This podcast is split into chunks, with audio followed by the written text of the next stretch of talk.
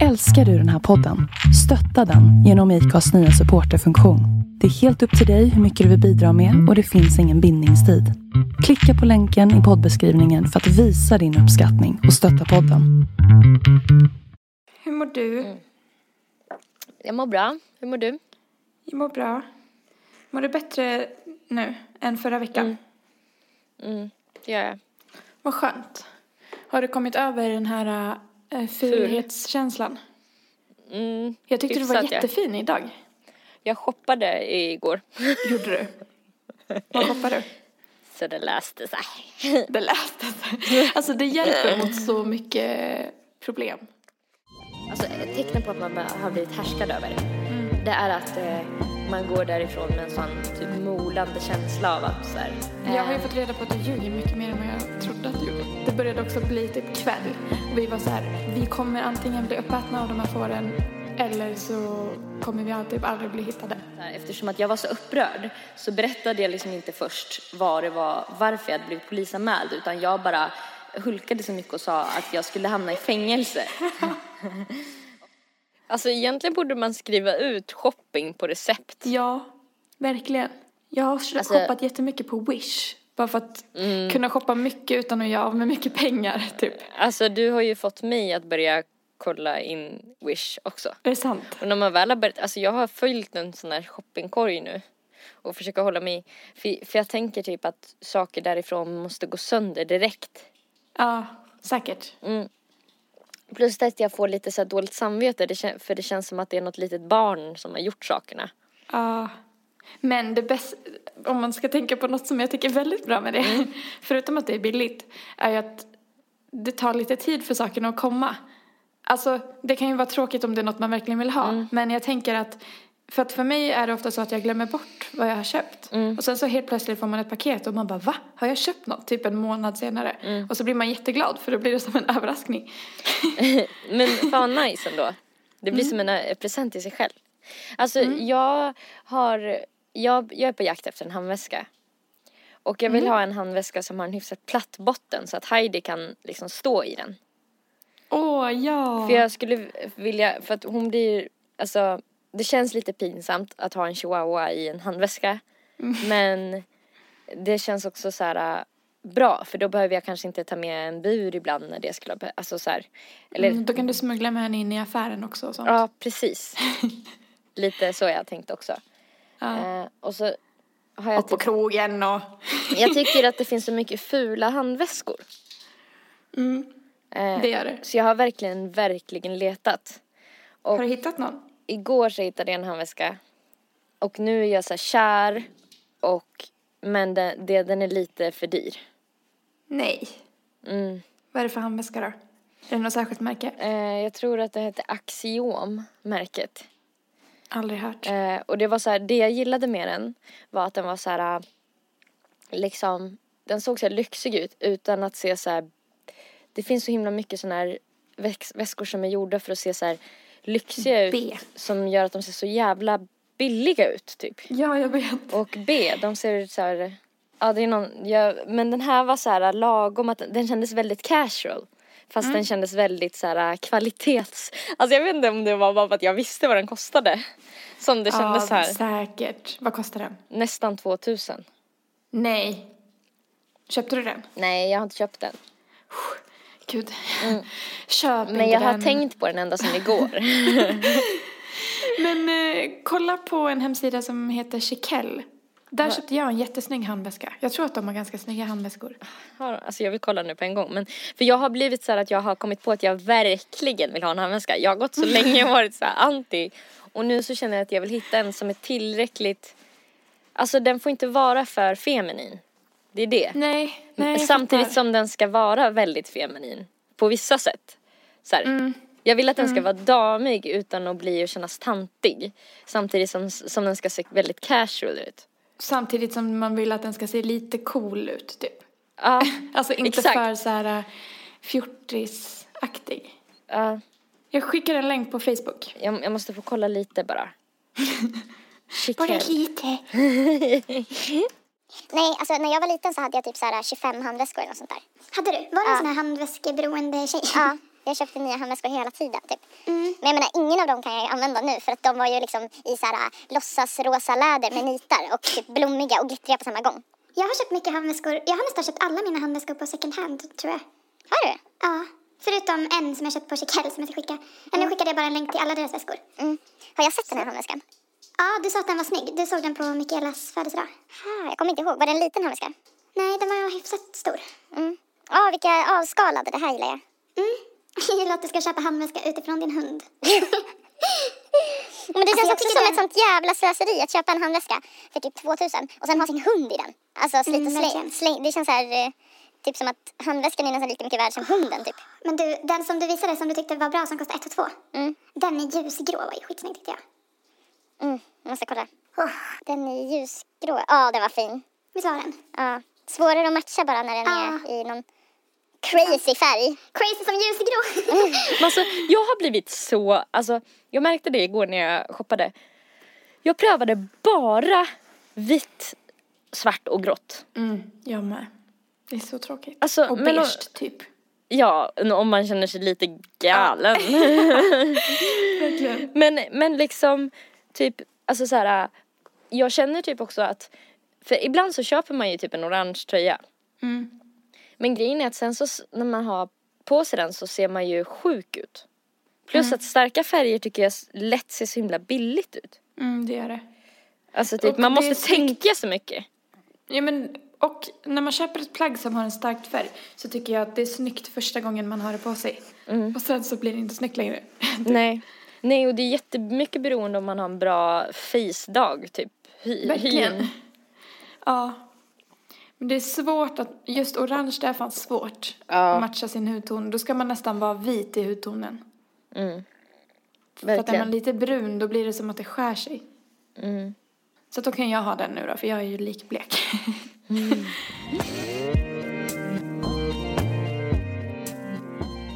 Du har varit i Rättvik ganska länge. Ja, nästan en vecka. Mm. Jag Och behövde vi sågs verkligen bara det. typ en timme.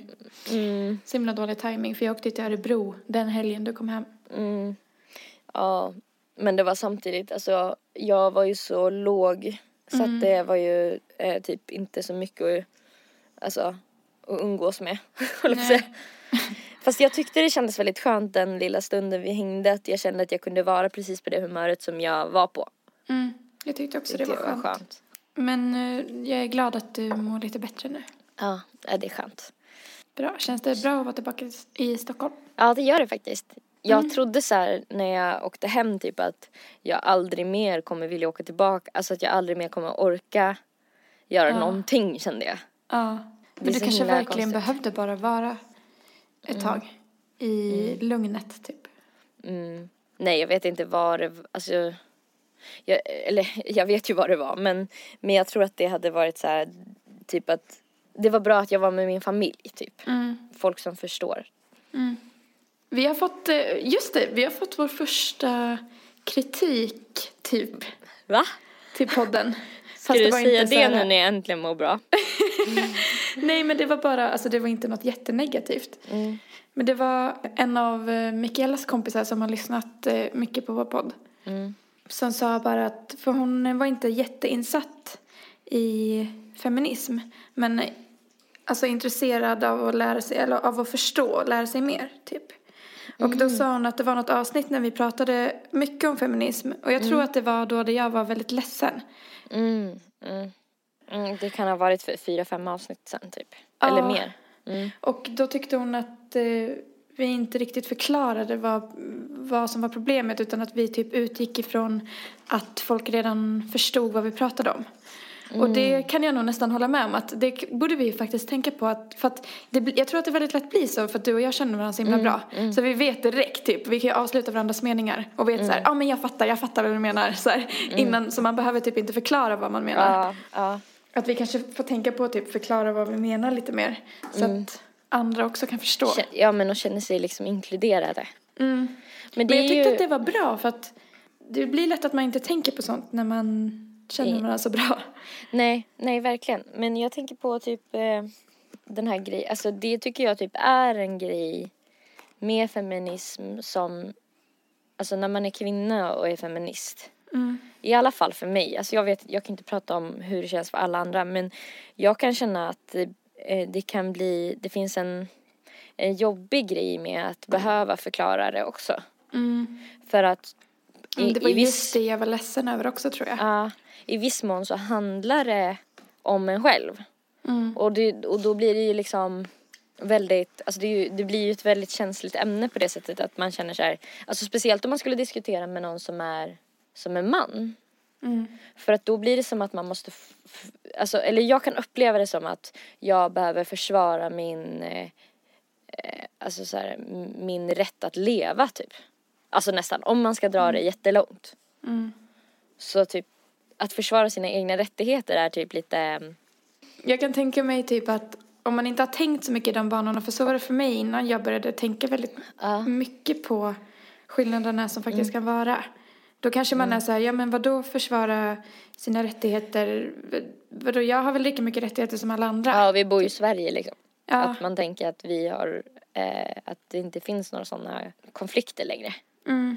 Men, eh, Men alltså vi behöver inte djupdyka i det nu. Jag bara nej, nej, nej, nej men jag förstår. tänkte på att när vi ska prata om det i fortsättningen så får vi väl försöka vara lite mer tydliga. Mm.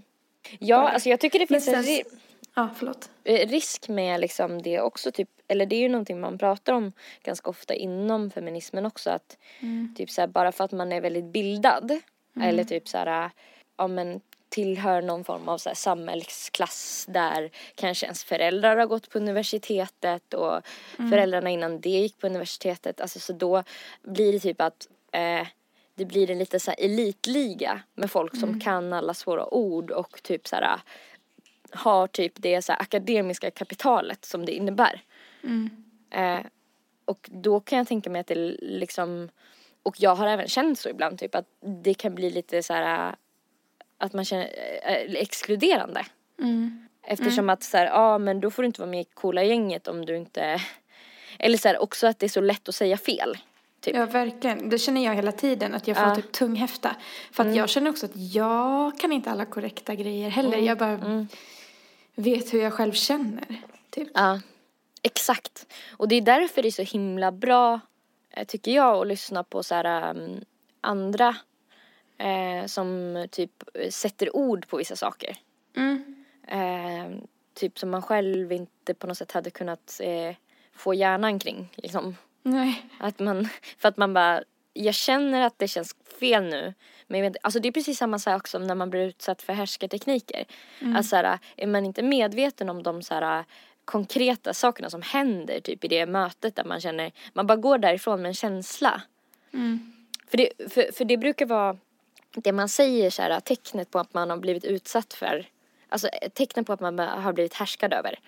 Det är att eh, man går därifrån med en sån typ molande känsla av att så här, man känner sig liten. Mm. Men man vet inte riktigt, alltså man lägger ofta skulden så här På inåt. sig själv, typ. Ja, Men eh, om man vill lyssna lite mer på folk med feministiska åsikter så Ja. kanske man kan lyssna på typ En varg söker sin podd. mm, och Frida och Flora. Ja. Fro- Flora och Frida tror jag. Flora och Frida, ja Ah. de sätter väldigt bra alltså, så här, ord på typ strukturella grejer. Mm, tycker jag. Det här är alltså podcast som vi tipsar om nu. Ja, och eh, också eh, Lilla Drevet. Ja. De tar upp mycket saker liksom runt omkring också men men jag tycker att jag har fått väldigt mycket så här förståelse för att så när det gäller politik så typ handlar nästan allting om så här vem ska ha mest typ. Och så här jämställdhet fast också inom så här nationalitet, ja bla bla bla. Men liksom att, och att i det, alltså du kan inte få, du kan inte typ så här, tänk, det, det finns inte ett jämställt samhälle utan att typ också folk med liksom funktionshinder eller folk som, Nej, alltså så här, alla, alla typ, det måste då, då gälla alla liksom. Det är bra.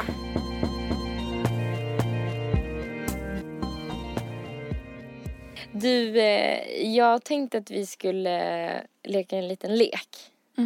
Hit med. Jag, hit me with your best shot. Ehm, jag brukar för att jag är ganska bra på att luras. Mm. Tycker du att jag är bra på att luras? Ja, när du verkligen vill så. Men typ att ha ett så serious face. Mm. Jag har ju Ehm. fått reda på att du ljuger mycket mer än vad jag trodde att du gjorde. Hur då? Ja, i podden. Du har ljugit jättemånga gånger för mig. Hittat på historier och sånt. Åh, jag tycker att det är väldigt eh, roligt Ja. att ljuga.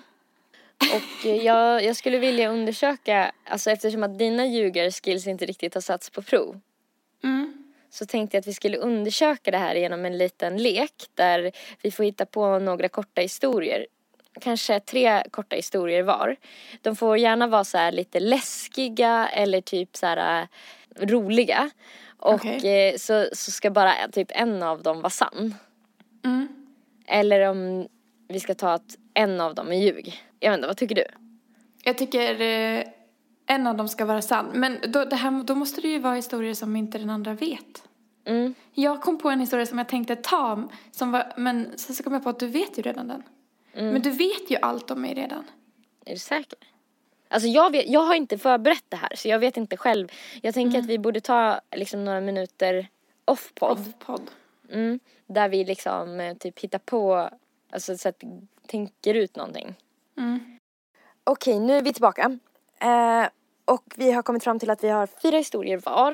Eh, hur många som helst av de- de här fyra kan vara falska men de kan också vara sanna eller blandat. Mm. Eh, och eh, vi kör, vi berättar varannan historia så får den andra personen gissa om det är sant eller falskt. Och sen i slutet, den som har lyckats lura den andra, alltså den som har, du får ett poäng för varje fel svar jag svarar på dina historier och Mm. detsamma. Och den som har flest poäng i slutet, Vinner. den eh, är bäst på att ljuga. Vill du börja med en historia? Ja, har du något tema på dina historier? Nej, har du? Ja, alla är barndomsgrejer. Eh, grejer. Okej, spännande. Okej, ska jag börja? Ja, börjar du. Första historien är från när jag var kanske tio. Och eh, jag och min kompis Sofie hade hängt med min mamma till hennes nya kille som bodde i Stjärnsund. Han bodde i så här stor herrgård, typ, på landet. Och eh, vi hittade en fårhage ganska i närheten där. Som vi tyckte var, alltså att det var jättesöta får och sånt. Så vi bestämde oss för att vi skulle mata dem. Så vi tog med oss massa bröd och så skulle vi gå och mata fåren. Så vi, det var en så här jättestor fårhage och man var tvungen att gå igenom den för att komma till eh, en sjö som var där. Så man fick vara i fårhagen. Så vi går in i fårhagen och ska mata de här fåren. De kommer, de märker att vi har bröd och blir helt galna. Eh, Så de, alltså det, vi visste inte riktigt hur mycket får det fanns där. Så att det kommer liksom får från alla håll och kanter. Och vi blir såklart livrädda för de kommer och de börjar liksom De är ju stånga rätt stora på. typ, när man är Ja. tio. Och de börjar stånga på oss för att de vill ha brödet. Och börjar, så vi blir rädda och börjar springa. Och släpper inte brödet. Eh, så de jagar ju oss. Så vi kutar och klättrar upp i ett träd i fårhagen och alltså vi är liv, livrädda. Vi var ganska små då. Så vi sätter oss i trädet och fåren flockas runt oss och vi kastar ner allt bröd för att bli så här, vi måste ge oss av med det så att de kan gå härifrån. Vi får sitta här tills de har lugnat ner sig. Och i vår vilda fantasi så fick vi för oss att det här var demonfår och att de skulle skada oss för att det började också bli typ kväll. Och vi var så här, vi kommer antingen bli uppätna av de här fåren eller så kommer vi typ aldrig bli hittade. Eller så här, det, det här kommer inte gå. Men det slutade i alla fall med att vi satt i det där trädet i säkert två timmar innan vi vågade ta oss ner. Vi såg vår lucka och kutade hela vägen hem. Ja. Ska jag gissa nu? Mm. Jag tror det var falskt. Den var sann. Var det sann? Okej, ska jag säga varför jag trodde du ljög? Ja. Därför att eh, du sa i början av historien att ni var tio år gamla. Ja. Och sen så, så fyllde jag i någonstans, ja så är det när man är tio år gammal eller någonting. Och sen så sa du på slutet, ja för vi var ganska små. Man är väl liten när man är tio. Ja men alltså att, som om, för då tänkte jag att du hade glömt bort att du hade sagt att vilken ålder ni hade. Ja. Så Nej, jag föll på det. Okej, men får jag ett poäng då? Ja, Nej. jo. Ja. Okej, en poäng till mig. När jag var liten, Mm. eh, jag kanske var eh, åtta, då brukade killarna leka en pusslek Mhm. eh, på skolgården. Och det gick ut på, jag vet inte om ni hade samma, men det gick ut på att killarna skulle liksom jaga tjejerna och eh, fånga dem och pussa dem. Typ en, en rape-lek. Och eh, det var en kille som var väldigt, väldigt målmedveten att han ville pussa just mig. Så han jagade mig jätte, jättelänge runt och vi kom runt skolan på baksidan där typ det inte var några andra barn eller några lärare eller någonting. Och han var ganska så här stor och lång. Eh, så att eh, jag blev väl rädd eller någonting eftersom att jag drog kniv och eh, typ eh, skrek så här, kommer du närmare så hugger jag dig. Eh, och eh, det slutade med att jag fick eh, komma upp till rektorn och att mina föräldrar kallades till skolan. Eh, Och att du fick skiten för det eller? ja. För att eh, ett, ett barn som har kniv i skolan, liksom.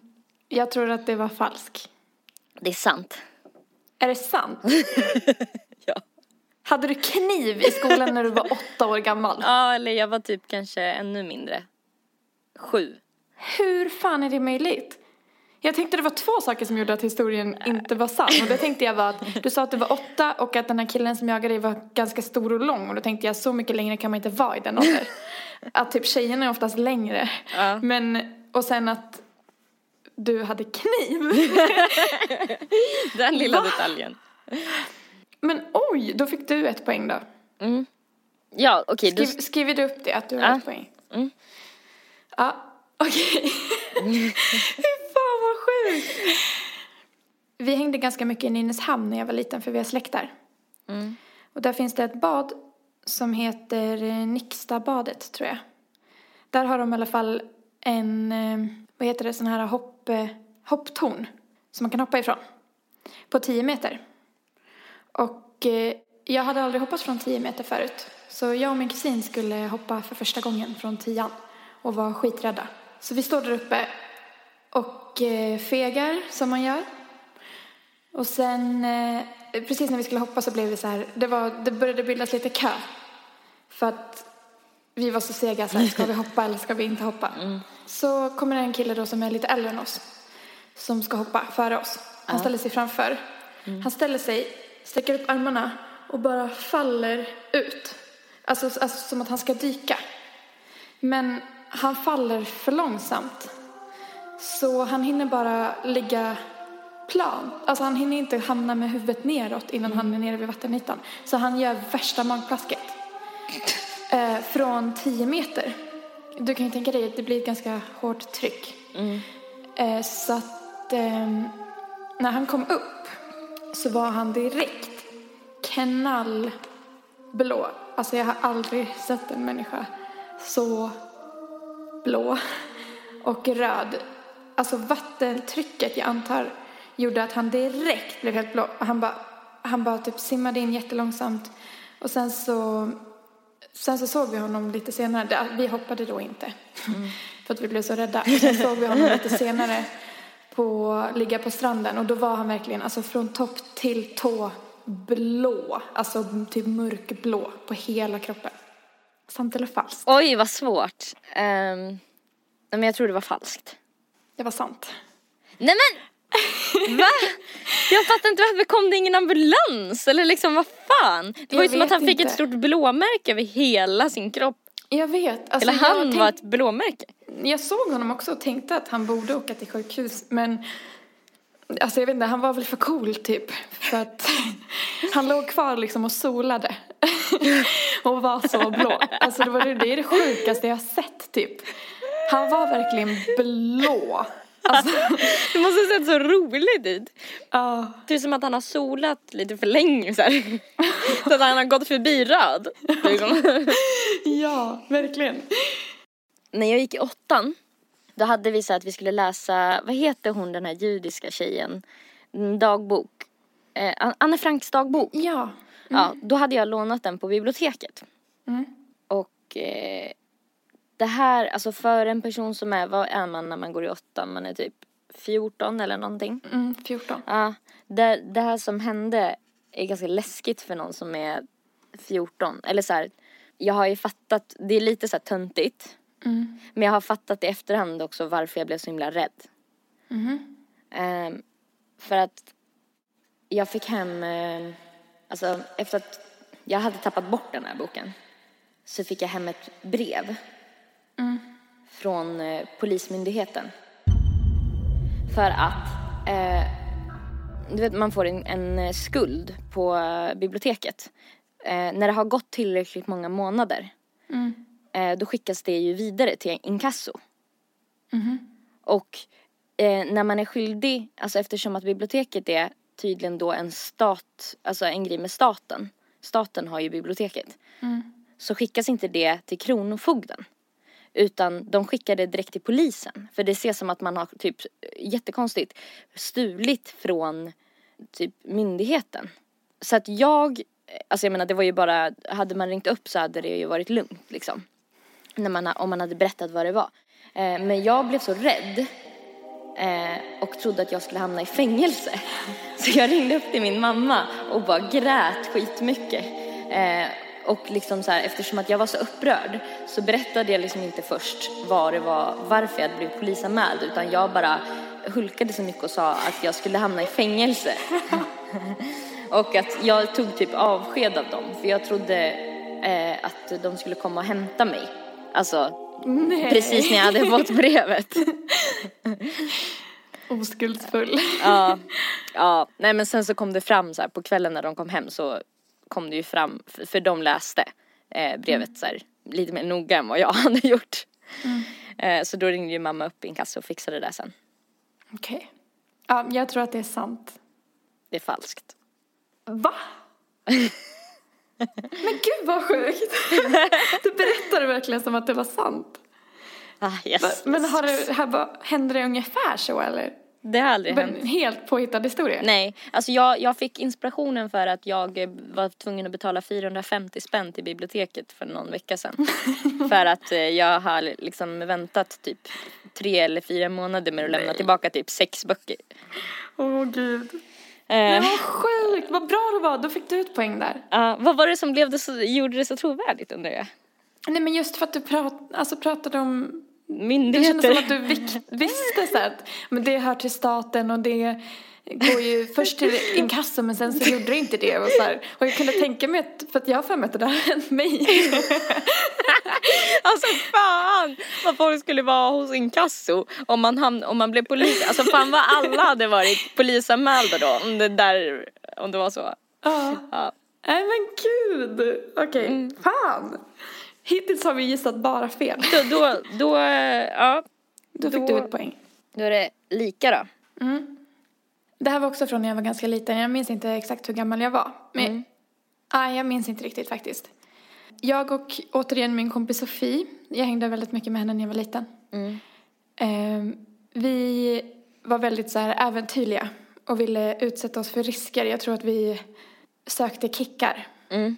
Så att eh, vi kom på den briljanta idén att vi skulle testa och se hur långt vi kunde gå över isen. Eh, jag, min pappa bodde precis, eller bor precis vid älven och då, den älven fryser då på vintern. Men den är ju ström så att det är ju alltid en risk. Alltså, Den fryser inte, det blir inte jättetjock is och man ska inte vara på isen på älven. Men vi var så här, ja, vi höll på och lekte tror jag och sen så började jag gå en liten bit ut och bara wow, du vet så här. Och hon bara, jag vågar gå längre, typ, jag vågar gå längre. Till slut så går jag då hela vägen över isen. Ö, Lyckas här, alltså sakta, sakta.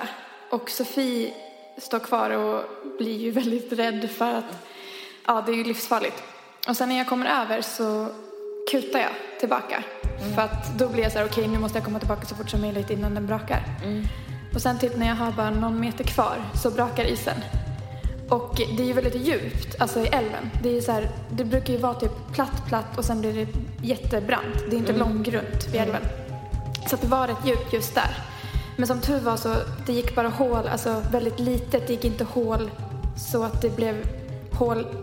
Alltså förstår du, om isen brakar så brukar det ju lätt kunna bli ett stort hål. Det blev bara ett litet hål. Så jag typ blev blöt halvvägs och så liksom drog jag mig upp och skyndade, kravlade mig in igen typ. Och vi var ju livrädda för att bli påkomna då. Och min pappa bor så här i lägenheter där alla delar tvättstuga men det är bara så tre lägenheter i en byggnad. Och så delar alla tvättstuga. Det är ingen så här, det är så här gammaldags, det är ingen kod för att komma in till tvätt- tvättstugan eller så. Så vi bara shit vad ska vi göra, det är vinter, det är skitkallt och vi kan inte komma in och jag är dyngsur liksom. Så vi går in i tvättstugan och gömmer oss och eh, klär av mig och torktumlar mina kläder tills de blir torra. Eh, så att vi blev aldrig påkomna att vi hade lekt vid älven. Vi visste ju att vi skulle få en megautskällning. Ja, ja. Att de skulle bli arga. Sant eller falskt? Det där tror jag faktiskt var sant. Det var falskt. Va? Vi gick, jag gick hela vägen över älven. Eh, men jag ramlade aldrig i. Du bara, jag vill bara tillägga att jag är modig. Nej men den var delvis sann. Ja. Men jag ramlade aldrig i och vi gick aldrig och torktumlade mina kläder. Vad intressant. Alltså, jag tror att anledningen till varför jag gick på det var för att du beskrev hur huset var upplagt med så tre lägenheter i ett och så här. Alltså, det är ju menar- sant hur, Ja, det, hur det ser ja, ut. Ja, men exakt. Men de detaljerna gjorde det liksom trovärdigt på något sätt. Ja. När jag gick i högstadiet, ehm, jag tror det var precis i början av högstadiet, jag gick i sjuan tror jag. Eh, Så skulle min skola anordna en volleybollturnering. Och då hade vi en tradition att varje år så klädde vi ut oss till olika saker när det var volleyboll, volleybollturnering.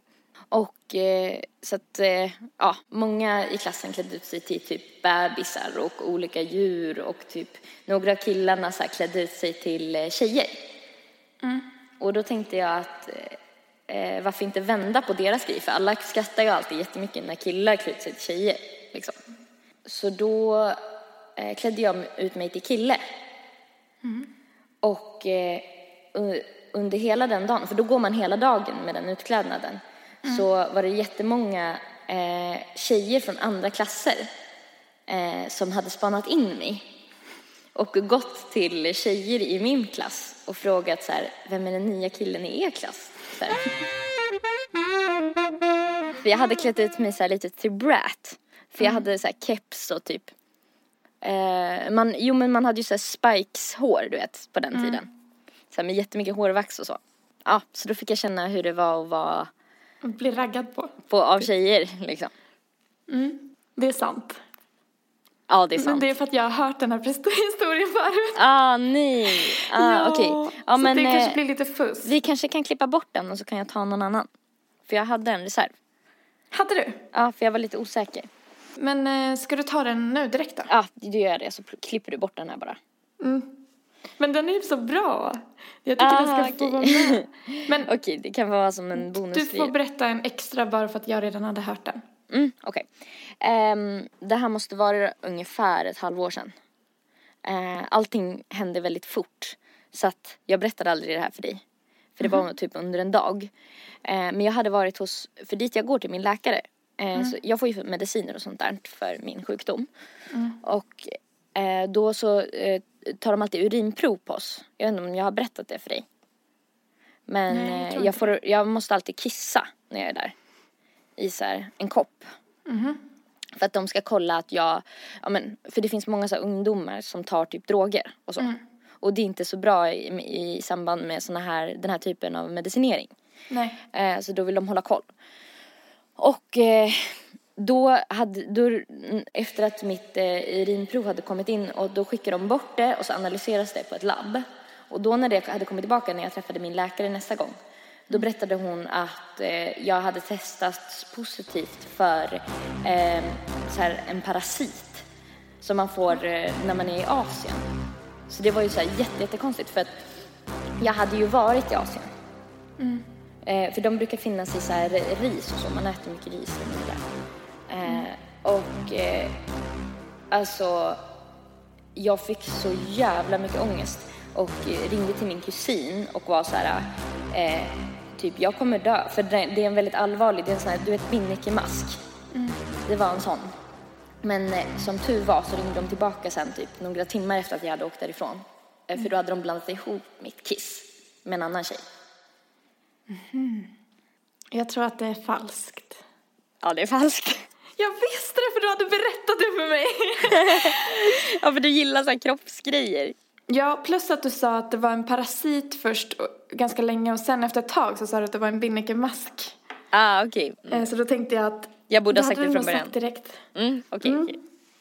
Yes! Då fick, nej, då fick jag ingen poäng. Nej, du bara Poäng, poäng, jag vill ha poäng! Ge mig en poäng, pappa. Mm. Okej, är då ska jag berätta min sista. sista. Som sagt så brukade ju jag och mamma åka ganska ofta till Nynäshamn när jag var liten. Mm.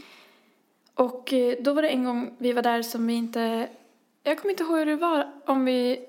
För vi brukade sova hemma hos släktingar men just då så sov vi i alla fall på någon så här... eh, Jag vet inte om det var ett vandrarhem eller hotell. Jag vet att det bara var ett rum. Kommer jag ihåg i alla fall. Eller om det var en lägenhet vi hyrde. Och eh, eh, den var lite små läskig typ. Det fanns inte så mycket att göra i den lägenheten. Bara så här en säng, toalett, ett litet kök, typ det viktigaste. Och en bokhylla med några böcker. Så jag och mamma satt på kvällen eh, vid bordet och då är så här, bordet är på ena sidan av rummet och bokhyllan är på andra sidan av rummet. Så vi hade bra syn över till bokhyllan. Så vi satt och spelade typ Yatzy eller kort eller någonting.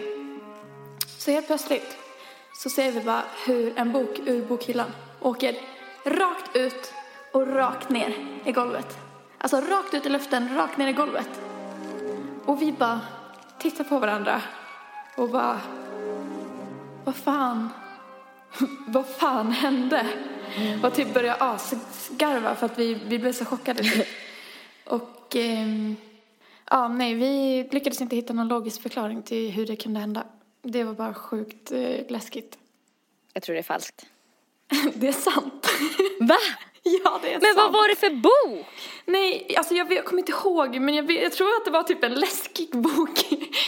Men gud, det borde du ju ha liksom Det var Ja, men det jag tänkte. kollade då, men jag kommer inte ihåg nu vad det var för bok. Att det måste ha varit liksom någon Men speciell. den åkte verkligen så här, alltså den stannade ju inte i luften länge. Men den åkte liksom ut ner.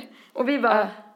alltså som att någon bara drog ut den typ. Mm. Alltså det var så jävla läskigt. Jag vet inte, alltså jag vet inte hur det kunde hända. Nu blir jag typ mörkrädd. Vi, förs- ja, vi försökte hitta en logisk förklaring men nej. Det var typ en period också där som det hände mycket sådana sjuka saker när jag var med mamma. Alltså när jag och mamma typ hängde. Det var speciellt. Ja. Okej, jag tar min sista. Mm.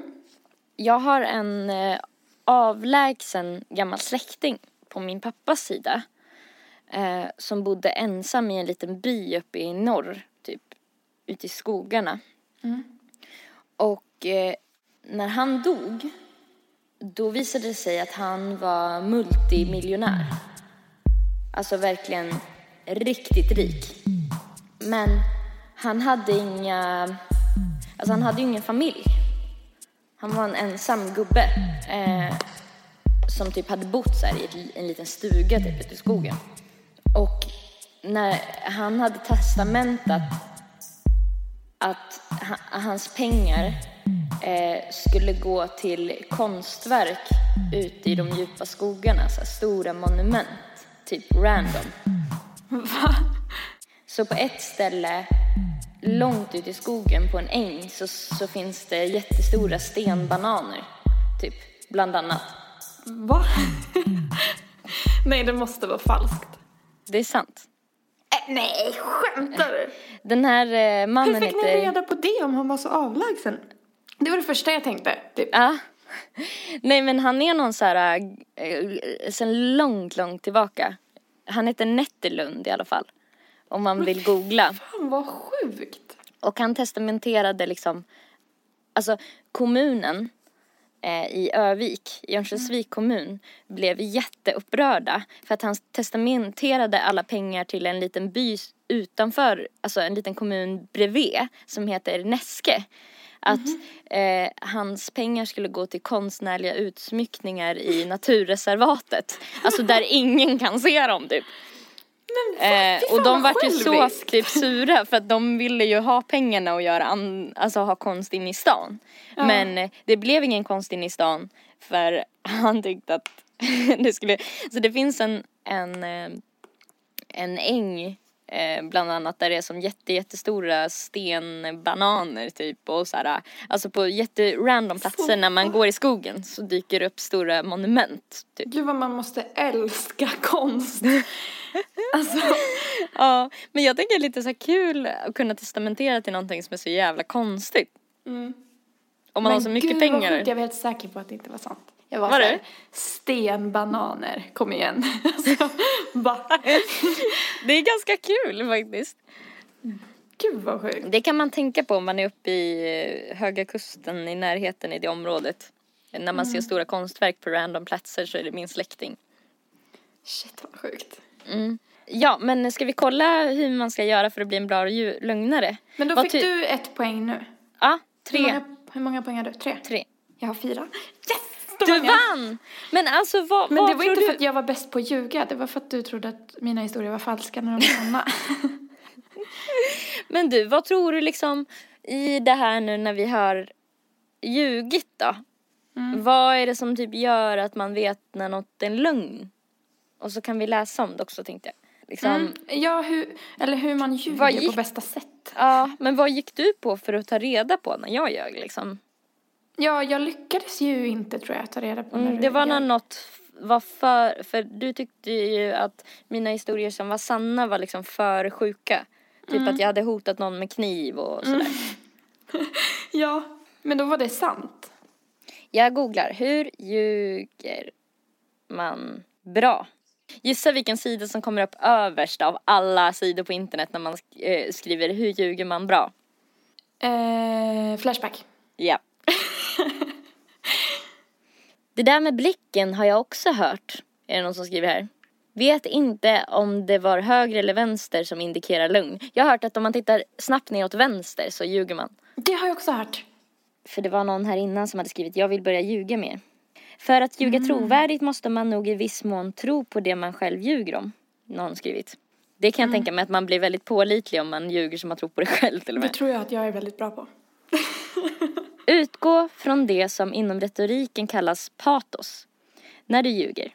Försök inte att spela känslan som hänger samman med lögnen utan gå in för att verkligen känna känslan. Har du till exempel blivit anklagad för att du har stulit en plånbok och du har gjort det men hävdar din oskuld. Se då till att du verkligen känner vrede och hämnd över att ens ha blivit anklagad. Det går med lite övning. Ni killar kan i alla fall pröva min te- teori, skriver en annan. Säg åt tjejen ni sitter bredvid på krogen att du aldrig har legat med en tjej. Garanterat får du ligge. Kanske inte första kvällen, men absolut nästa gång ni träffas för då har hon tänkt över situationen och det spelar ingen roll om hon är gift och har barn. Det funkar, men du bollar med allvarliga grejer. Därför Mm, skulle jag tips. aldrig göra så själv. Men har du andra värderingar så shoot. Varför, Varför skriver man ut det? Jättekonstigt. Mongo. Jävla weird. Jag hittade en sida också. Tio tecken på att någon ljuger. Ja, bra. Läs. Okej. Eh, på smartereliv.se. Tio tecken på att någon ljuger. 1. Personen kommer med för många detaljer. Eh, det stämmer ju på den jag ljög om. För jag Mm, berättar mig inte detaljerat. Ja. Jag berättade ju om skatte... Eller ja. Ja. Eh, sanningen är alltid enkel och faktabaserad medan lögnaren alltid trasslar in sig i detaljer om hur något gick till eller varför det blev som det blev. De har nämligen övat mycket på att komma med en trovärdig lögn och tänkt ut allt. En smart sak att göra här är att byta ämne för ett ögonblick och sedan komma tillbaka till det du tror att någon ljuger om. Den som talar sanning kommer med, kommer med den på ett obekymrat sätt och den som ljuger börjar repetera detaljer igen. 2. Lögnare kan visa ett konstigt beteende. Du måste både lyssna och observera den du tror kommer med lögner för att pussla ihop två delar. Om den du tror ljuger normalt är en person som är lugn och plötsligt är mer nervös och rastlös så är det ett förändrat beteende som kan avslöja en lögn. 3. Ingen ögonkontakt eller för mycket ögonkontakt. En del lögnare känner sig för skyldiga för att se det i ögonen medan andra har blivit så bra på att ljuga att de gör allt de kan för att försäkra sig om att det de säger är sant. Tricket här är att förstå att lögnare nästan alltid beter sig tvärtom mot vad de brukar göra när de kommer med lögner. Den som normalt inte ser det i ögonen så mycket kommer att göra det mycket mer och tvärtom. Ja, det är bra om man känner någon bra. Fyra. Men alltså jag kände att det var svårt att möta din eh, ögonkontakt när jag ljög. Jag vet inte om du märkte det men jag satt så här och bara Men det tycker jag också att det var. mm. Eller, ja, jo. Jag tror att jag tittade mer på mina egna ögon än på dina. Fyra. De byter ämne. Den som ljuger vet ju vet att ju längre tid han hon pratar desto större risk att bli avslöjad och just därför kommer han hon att försöka byta ämne. Men gå inte på det. Se till att du kommer tillbaka till ämnet hela tiden så att du får en chans att analysera innehållet. 5. Kroppsspråket förändras. Det är vanligt att lögnare har svårt att hålla händerna stilla när de ljuger. Personen kan röra sitt ansikte, knäna, armbågarna, dra i kläderna eller hålla på med håret. Den som ljuger brukar också stänga in sig genom att korsa benen, ha armarna på bröstet och göra sig själv mindre. Så här, skydda kroppen. Mm, men så gör jag även när jag inte ljuger. Alltså när jag pratar med, jag, jag fifflar med händerna jättemycket typ. Och så här, men det är nog en, ett nervöst beteende typ. Ja. Eh, sex. En lögnare kan reagera med ilska. Anfall är bästa försvar för en lögnare och om du säger något som träffar mitt i prick kan du få långa haranger av du litar inte på mig och jag blir besviken och annat för att det är lättare för den som ljuger att spela sårad än att fortsätta sin historia. Eh, sju. En lögnare kan ändra ton eller röstläge. Lyssna väldigt noga på ljudet av personens röst. Det är inte alltid så lätt att höra förändringar i tonläget. Högre eller lägre. Men om du märker den här förändringen så kan du stå framför en person som ljuger. Hur snabbt de pratar kan också avslöja dem. Den som normalt pratar sakta kan öka tempot och tvärtom. Jag tyckte du pratade fortare när du ljög. Det märker jag inte att du gjorde. Nej, okej. Mm. Mm. Åtta. Brist på gester, eller fler gester än normalt. Det är lite så här, antingen eller. Ja. En person som normalt använder större gester under samtal kan tona ner dem och tvärtom. 9. Samtalet är alldeles för logiskt. Normala samtal hoppar fram och tillbaka i både tid och rum. Den som ljuger har en inrepeterad historia som han hon vill hålla sig till och gärna berätta i kronologisk ordning utan att bli störd och glömma bort hur historien ska berättas. Stör historien med små inlägg och få lögnaren att svettas och låtsas vara intresserad av det du flikar in samtidigt som hen försöker le och komma ihåg nästa spår på lögnen. 10. En lögnare kan svettas mer. Svett utlöses bland annat av stress och om din Bra lögnare... straff. Ja, ja. Har det svårt med att hålla fasaden så kan svetten bryta ut. Det där med svett kan man inte kontrollera heller. Nej, det kan man inte. Det är så kul för sen under det så har de ett boktips om konsten att hantera superjobbiga människor. Heter boken. Åh gud vad bra, den vill jag läsa. Jag med.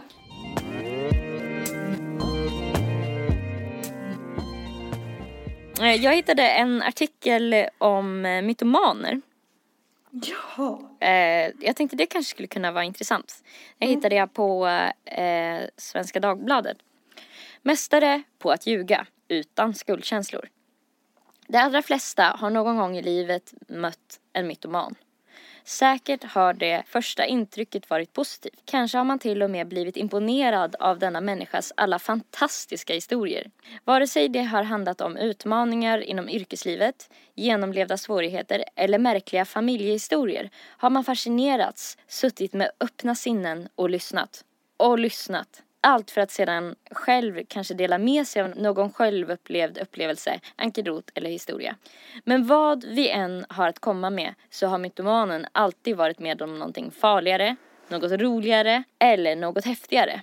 Alltså vet jag tänker på en specifik person just nu som vi gick i gymnasiet med. Eh, Det var inte en jättebra kompis till oss. Du tyckte väldigt illa om den här personen. Jag fortsätter så kan du tänka lite. Nej men, jag vill bara veta vem det är. Kan du mima? Ja. Ja. Verkligen. Mm.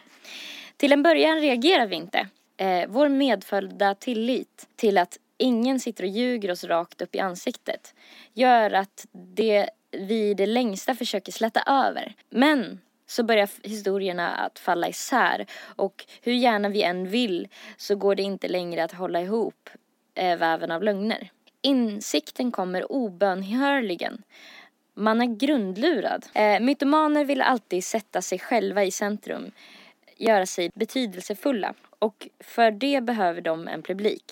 Men den ska helst vara tyst, säger John Schubert, psykoanalytiker och chef för Psykoterapiinstitutet. Mytomani är ett tämligen outforskat område. Inte mycket är skrivet i ämnet och få psykologer eller psykoterapeuter säger sig ha någon direkt erfarenhet av fenomenet, som ändå är vanligt, menar Johan Schubert. Det är inte så konstigt. Mytomanen själv saknar så gott som all sjukdomsinsikt och därmed även viljan att bli behandlad och botad. Men skulle mytomanen ändå gå i terapi är det inte alltid lätt för terapeuten att komma dem in på livet. Deras duperingsförmåga samt deras förmåga att ge sin omgivning precis vad de förväntar sig alltså skapade människa som terapeuten räknar med, gör dem oerhört svårbehandlade. Problematiken med mytomani återfinns inom alla sociala skikt och hos människor som vid en första anblick kan verka psykiskt helt friska. Vissa åtnjuter allmän respekt, är yrkesmässigt framgångsrika, har familj och har ett utåt sett fungerande socialt liv medan andra lever isolerade och har stora sociala eller kanske drogrelaterade problem. Gemensamt för alla är de tvångsmässiga lögnerna. Mytomanens motiv är som sagt behovet av bekräftelse, av att stå i centrum eller desperata försök att dölja den egna livslögnen. Men på en djupare nivå handlar det om att undvika smärta. Den smärta som uppstår när, en mytoman tvingas ta in verkligheten, säger organisationskonsult och gestaltterapeut Lars Lagerstedt. Att bära på alla de lögner som en mytoman gör verkar outhärdligt för de flesta friska människor. Men mytomanen uppfattar inte lögnen på samma sätt som andra. Många gånger är de inte ens medvetna om att de ljuger. Sten Levander, rättspsykiatriker vid Malmös allmänna sjukhus, talar om mytomanens dubbla bokföring. Och Lars Lagerstedt menar att även om mytomanen vore medveten om sitt ständiga ljugande så uppfattar han eller hon inte lögnen på samma sätt som andra. De har inget skuldbegrepp förknippat med att de ljuger. Snarare känner de en lustupplevelse när de har lyckats. Deras perspektiv är helt annorlunda. Lögnen är något vardagligt och uppfattas som något kreativt av dem säger Lars Lagerstedt. Många är de som vittnar om karismatiska mytomaner som kan trollbinda sin publik och som skickligt manövrerar sin omgivning dit de vill. Det framstår ofta som ovanligt begåvade, charmerande och socialt kompetenta personer. För att klara sig som mytoman krävs att man kan imponera eller på något annat sätt dupera sin omgivning. En viss sorts personlighet måste till, särskilt om det ska få medaktörer, resonerar Johan Schubert. Sten Levander tillägger att många gånger kanske det inte krävs en fullt så skicklig mytoman för att vi ska låta oss luras. Men vi tror på dem eftersom de saknar alla tecken på att de skulle ljuga. Eh, det går inte att avkoda så som vi avkodar andra människor. Framför oss ser vi en fullkomligt övertygad person som drar de mest märkliga historierna. Men när kroppsspråket är helgjutet har vi svårt att avslöja dem. En annan intressant aspekt när det handlar om mytomani är de mekanismer som gör att en maka eller make väljer att stanna hos den människan som ständigt skarvar, serverar lögner och drar den ena historien efter den andra inför en garvad bekantskapskrets. Även en gift mytoman måste hålla sig inom vissa ramar för att relationen ska vara hållbar. Det kan exempelvis inte föra partnern allt för mycket bakom ljuset rent känslomässigt eller ekonomiskt. Är en sådan relation givetvis långt ifrån oproblematisk. Att vara gift med en mytoman utan att bli indragen själv utan att bli medaktör är inte möjligt. Många gånger är det oerhört obehagligt att konfrontera mytomanen med en osanning. Alltså det låter lite som när man är typ alkoholist eller så. Typ mm. att, man blir att, medberoende. Precis, för att man typ ser till att alkohol finns tillgängligt och typ sådana här saker för att den personen ska typ vara på bra humör eller så här, man inte vill konfrontera den personen med att den ljuger kanske. Mm. Verkligen. Alltså jag kände igen mig med det här att de får en kick när de har ljugit. Fast det känns som att jag gör det typ kanske inte riktigt så här på en sjuklig nivå så. Men, eh, men att jag kan tycka att det är, är väldigt roligt liksom att så här testa typ om man kan lura någon. Men det är oftast roligast när man berättar efteråt att man har ljugit. Ja, det tycker jag också. För då, det är ju roligt att avslöja att man lyckades. Att man kan Ja, dela exakt. det. Typ. Exakt. Okej, då Jag fortsätter vet en till i artikeln. vår gamla klass som var mytoman. Ja, ja, Mm. verkligen. Den personen var verkligen mytoman. Okej, artik- artikeln fortsätter så här. När du väl har märkt att du har med en mytoman att göra är du ofta redan medaktör. Eftersom du obönhörligt blir en del av lögnerna i samma stund som du förstår att någon ljuger och du ändå väljer att tiga. Därför känner människor kring en mytoman ofta en stor skuld för att de inte har tagit ansvar för situationen i ett tidigare skede. Samtidigt är man rädd för att göra vederbörandes liv värre än vad det redan är. Intuitivt känner du att du sitter inför ett korthus som riskerar att rasa i vilken stund som helst. Att i det här läget våga ifrågasätta den stora livslögn som ofta ligger i botten är inte lätt, säger Johan Schubert. Lars Lagerstedt tror att det även finns det som stannar kvar just för att fortsätta få del av mytomanens ofta karismatiska personlighet, egenskaper som gör att även partnern känner sig sedd. Men hur definieras egentligen en mytoman? Det kan ju vara intressant att veta så att man vet att man inte är en själv tänker jag. Alla tänjer vi ibland lite på sanningen genom att krydda en bra historia eller genom att ta till en nödlögn som skäl till en sen ankomst eller ett återbud till en fest. Men var gränsen går till ren och skär mytomani är inte helt självklar. Sten Levander menar att så länge en mytoman inte själv lider eller fungerar dåligt socialt kan personen inte betecknas som psykiskt störd. Frisk, alltså till motsatsen bevisats genom eget lidande eller social oförmåga. Johan Schubert menar däremot att vi alla har en ganska väl utvecklad fingertoppskänsla för när en person går över gränsen. Det räcker med att se hur vi reagerar på personen för att få en bra distinktion, säger han och talar om en glidande skala från fabulerande över mytomani till rena vanföreställningar. Vi skruvar på oss inför mytomanen och till de uppdiktade historier som han eller hon serverar förhåller vi oss passiva. Men den gode historieberättaren skrattar vi däremot gott även om vi vet att det skarvats en del även i den historien. Det är väldigt fascinerande för oss alla att tänja på sanningen och det är inget dåligt i det. Vi har ett behov av att vidga gränserna för vår egen verklighetsuppfattning. Vi vill bli förförda, men att tvingas lyssna till mytomaner är något helt annat, säger Johan Schubert. Det här tycker jag man kan känna igen, typ att när man har suttit och lyssnat på en mytoman att man känner att man typ skruvar på sig för att man bara det här är inte sant, typ så här, och bara, När det är uppenbart. exakt. Men sen så tänker jag att det säkert är sjukt många som ljuger mycket men som man inte ens vet om att de Mm, ljuger. det, det tror jag också. Men Alltså, vad- man vet ju själv att man har kryddat på lite någon gång så här. ja, alltså jag tycker typ alltid att man gör det. Ja, typ. Men var ska man då vända sig om man har en mytoman i sin närhet? Kan man få hjälp? För en terapeut är det ju svårt att arbeta med en mytoman som själv inte vill arbeta med sina problem. Därför är det tyvärr nog så att omgivningen har den störst, det största ansvaret för att skapa medvetenhet hos eh, de här personerna.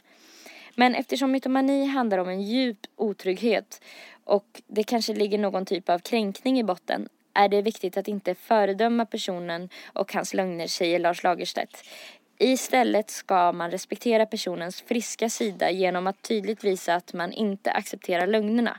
Samtidigt bör man uppmuntra personen att visa mer av sig själv istället för alla lögnerna. På sikt leder det förhoppningsvis till att en viss sjukdomsinsikt som i sin tur kan göra personen behandlingsbar, menar Lars Lagerstedt. Det låter väldigt smart att man ska visa att man gillar personen för den den är och inte den den låtsas vara. Typ. Verkar, verkligen, och det låter också väldigt så här, som en väldigt fin sak att bemöta det med kärlek istället för anklagelser. Mm. Eh, en kort fakta om vad mytomani är då. Eh, mytomani återfinns inte som egen diagnos, snarare rör det sig om en symptombild där en personlighetsstörning ofta ingår. Fenomenet är vanligare än man tror enligt psykoanalytikern Johan Schubert. Mytomaner återfinns inom alla sociala skikt i samhället. Och enligt national eh, jag kan inte uttala det, encyklopedin. Definieras mytomani som sjuklig lögnaktighet eh, i samband med psykiska störningar och hos uttalat histroniska alltså hysteriska personer. Hos barn förekommer fabuleringstendenser som man kan likna mytomani. Mm. Alltså jag tyckte det var väldigt eh, typ intressant. Och jag tror att någonting man ska tänka på när man möter en sån här person är att den egentligen är väldigt osäker. Mm. Ja, egentligen bara alltså, vill bli älskad typ. Ja, att det handlar i grund och botten om det på något sätt. Mm. Vet du vad jag ska göra nu? Nej. Jag och Heidi ska åka på hennes släktträff. Nej, är det sant? Ja. Jag ska träffa massa lika gulliga hundar som Heidi nu om en liten stund. Ska du träffa Heidis syskon? Heidis syskon och småsyskon och mamma och pappa. Men, men gud vad mysigt! Ja. Oh. På Instagram så heter Nelly Nelpan. På Soundcloud så heter hon Nelly mellanslag Malou. På Instagram heter Erika Zebratrack och på Soundcloud heter hon också Zebratrack och Zebra stavas med C. Okej, ha en underbar lördag. Puss. och eh, eh, ljug eh, lagom mycket. Ja, exakt. Gå, ljug inte till överdrift. Nej. Puss och kram. Puss och kram. Hej, hej.